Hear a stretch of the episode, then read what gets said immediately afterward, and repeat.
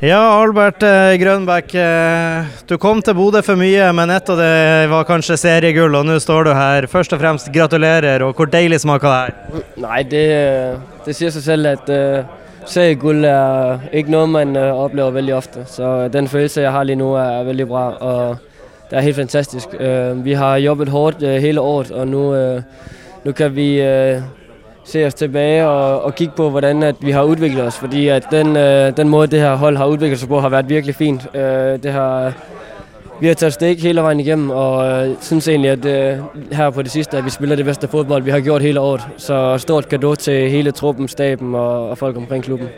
Kan du beskrive følelsen du hadde i det dommer blåsa i 90 minutt der, og eh, publikum storma banen? Hvordan var det å være Bodø-Glimt-spiller i de minuttene der? Nei, Det gikk veldig hurtig, husker jeg. Eh, det var eh, Man ser at det betyr mye for fansene og supporterne, så det er deilig at det betyr like mye for dem som det gjør for oss spillere. Så der skal lyde et stort takk til dem som kom i dag, for de var med til å skape en virkelig fet kulisse, så takk for det. Og Så kan man jo si at det er litt dumt at det blir lagt en, en landslagspause nå rett før tampen av sesongen.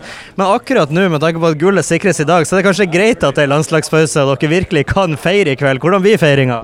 Nei, det er klart at uh, jeg tror det viktigste er at vi uh, som lag uh, hygger oss i dag og bare nyter at vi har, har vunnet seriegull. For det er, det er, ikke ofte det skjer, og den gruppe som vi er, de er, de er helt unike, så det blir virkelig fint.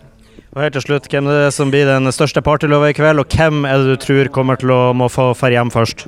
Uh, jeg tror han som står ved siden av deg nå, som heter Odin, han er en veldig fin kandidat til uh, både å bli tatt hjem først, men også uh, den som gir den best. Herlig. Takk skal du ha, Albert. Gratulerer.